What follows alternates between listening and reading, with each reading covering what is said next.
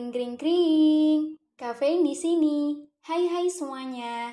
Wah, nggak kerasa nih, kafein udah episode ketujuh aja nih. Tapi di sini masih bareng sama aku, Hilma, dan aku bakal ditemenin sama partner aku, Calvin, yang bakal nemenin kalian semua di episode kali ini. Nah, bener banget tuh Hilma. Apa kabar nih kalian semua? Aku harap di mana pun kalian tetap jaga kesehatan dan stay safe. Iya nih, kabarnya teman-teman gimana? Udah pada sibuk persiapan masuk kuliah? Atau udah pada sibuk ikut kepanitiaan nih?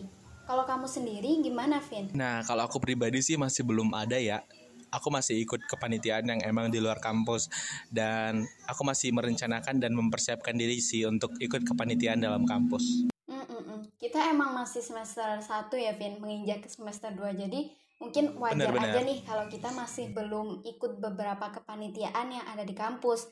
Karena contoh aja nih dari UNER itu eh, dari semester 1 mahasiswa tuh belum boleh ikut kepanitiaan. Jadi bolehnya itu mulai semester 2. Nah, di sini ngomong-ngomong soal kepanitiaan. Gimana kalau hari ini di episode kali ini kita bakal bahas nih mengenai kepanitiaan.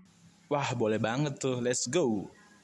Oke, sebelum kita masuk lebih dalam mengenai perbincangan kita, menurut kamu apa sih itu kepanitiaan?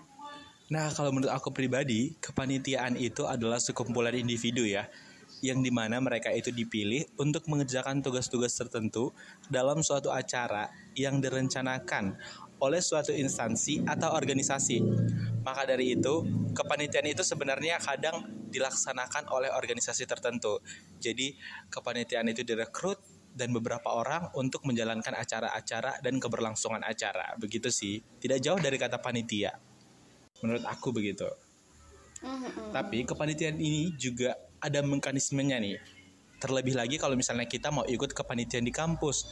Nah, kalau misalnya mekanismenya mungkin kamu sendiri deh yang bisa jelasin Hil, coba. Jadi kalau mekanismenya, kan aku udah beberapa bagi sedikit nih, aku pernah ikut kepanitiaan itu. Yang pertama di kampus itu namanya adalah ANOVA. Jadi ANOVA itu ulang tahunnya dari Prodi Statistika yang diadain sama Prodi Statistika sendiri. Jadi mekanismenya itu sebenarnya beda-beda, tapi mungkin aku bakal jelasin sedikit nih mengenai gimana sih mekanismenya ikut dalam kepanitiaan ANOVA di Universitas Airlangga.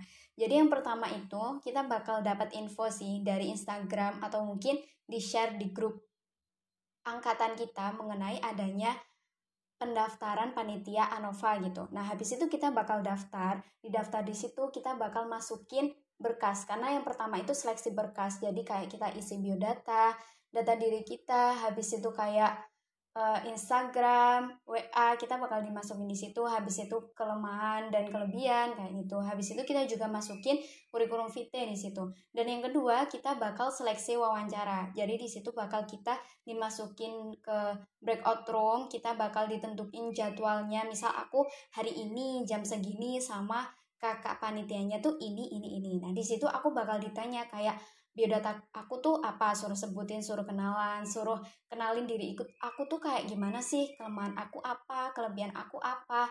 Habis itu alasan aku pilih jadi panitia Anova tuh kenapa? Terus habis itu kenapa aku pilih jadi divisi itu? Nah tujuannya wawancara itu biar para panitia yang nyeleksi kita itu tahu gimana sih karakter kita kita tuh cocok nggak sih diletakin di divisi itu sesuai dengan kepanitiaan yang dibentuk kita tuh sebenarnya cocok nggak sih atau kita tuh pantas nggak sih jadi panitia dalam acara tersebut.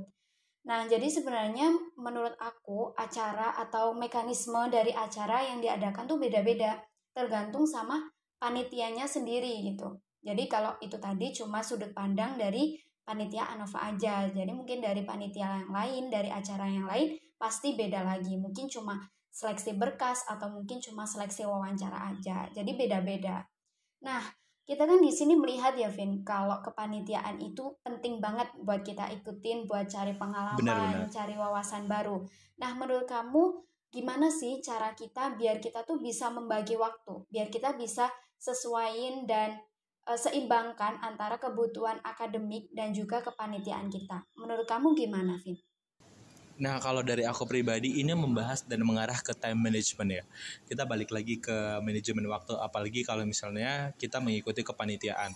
Dari aku pribadi mungkin ada beberapa tips yang mungkin bisa teman-teman uh, realisasikan atau gunakan untuk mengatur waktu kalian. Terlebih lagi buat kalian yang ingin mengikuti kepanitiaan karena pastinya akan menguras waktu yang sangat banyak kalau dari aku Keren pribadi sih awalnya caranya. mungkin bisa aku membuat prioritas dan bisa ataupun ditiru nih tips-tipsnya mengetahui dari prioritas Nah, artinya Tapi aku ngomong-ngomong ya, tahu Vin, dan kalau di pahami dulu kira-kira apa yang ada hal yang perlu diprioritasin lebih dulu.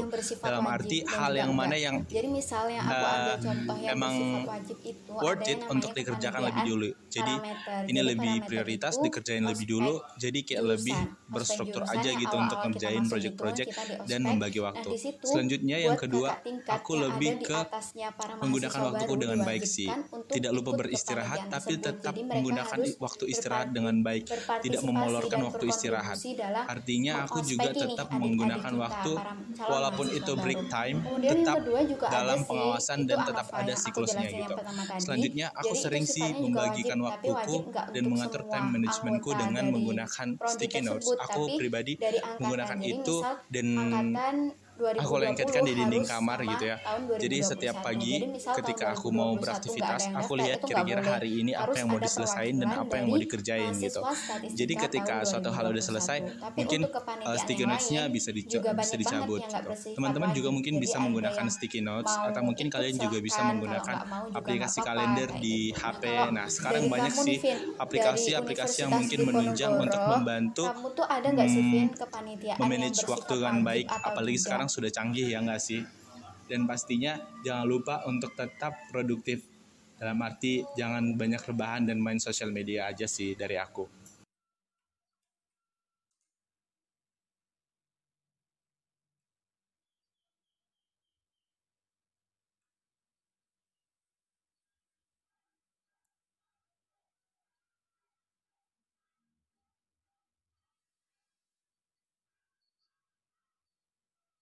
Oh gitu, jadi beda-beda ya Vin. Mungkin ada kebijakan kampus atau kebijakan prodi sendiri yang mewajibkan salah satu kepanitiaan atau juga ada yang enggak. Jadi bebas semau kalian lah, kalian mau ikutkah atau enggak, kalian mau berkontribusi atau tidak.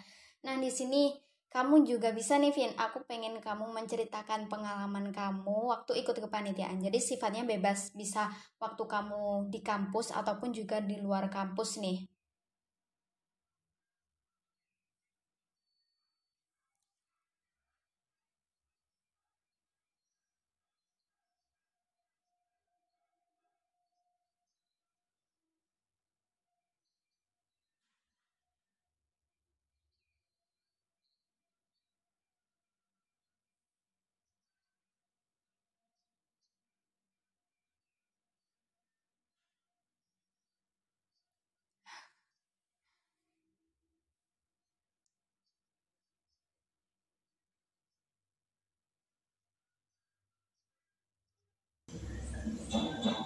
Nah kalau dari univku sendiri sih nggak ada ya sejauh pengetahuan aku nggak ada emang kepanitiaan untuk mewajibkan semua harus ikut atau berkontribusi gitu.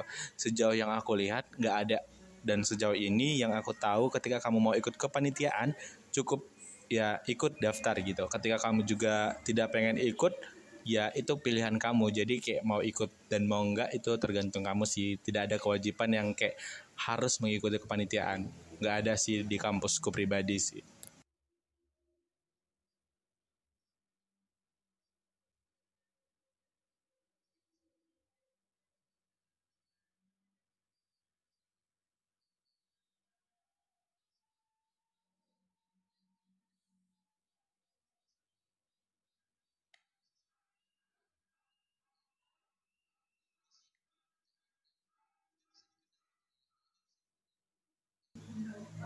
Oke, mungkin lebih ke ini ya. Mungkin lebih aku akan menceritakan lebih ke pengalaman kepanitiaanku waktu aku SMA karena waktu aku SMA di sana aku lebih banyak kegiatan daripada di kampus. Mungkin karena emang baru semester 1 juga.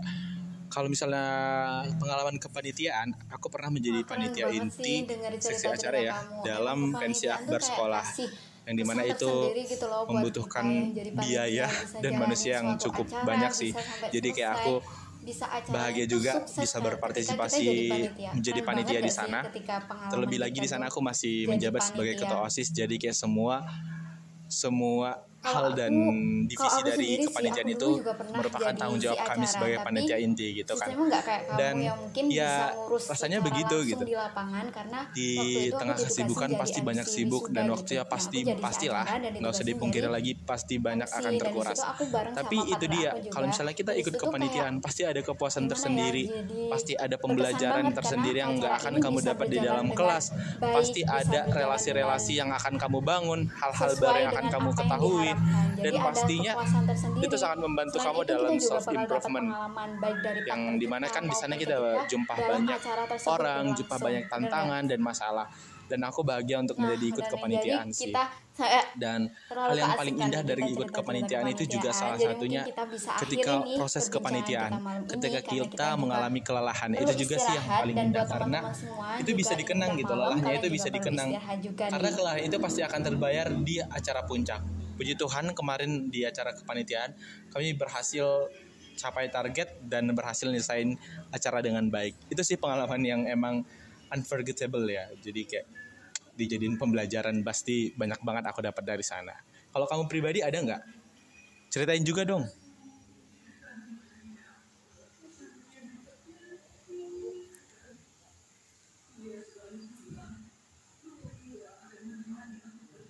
Benar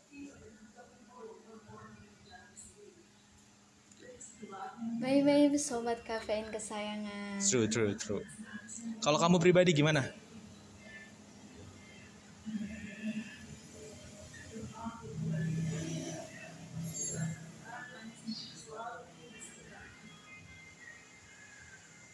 Wow.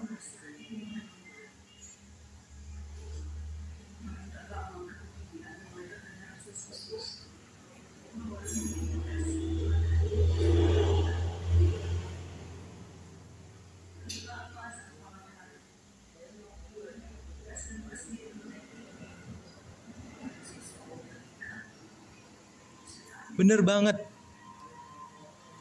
Bener-bener.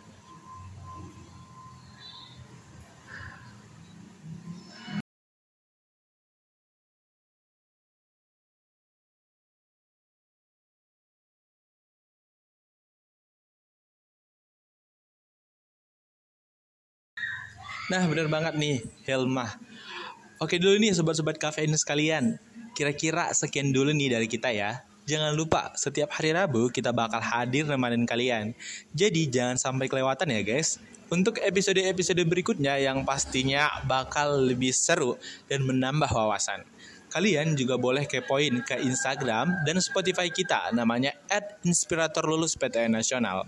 Karena di sana kami akan menyediakan konten-konten seru dan menarik lainnya. Seperti biasa, sebagai closing dan kalimat penutup sama-sama kita ucapkan, bye-bye sobat kafein kesayangan.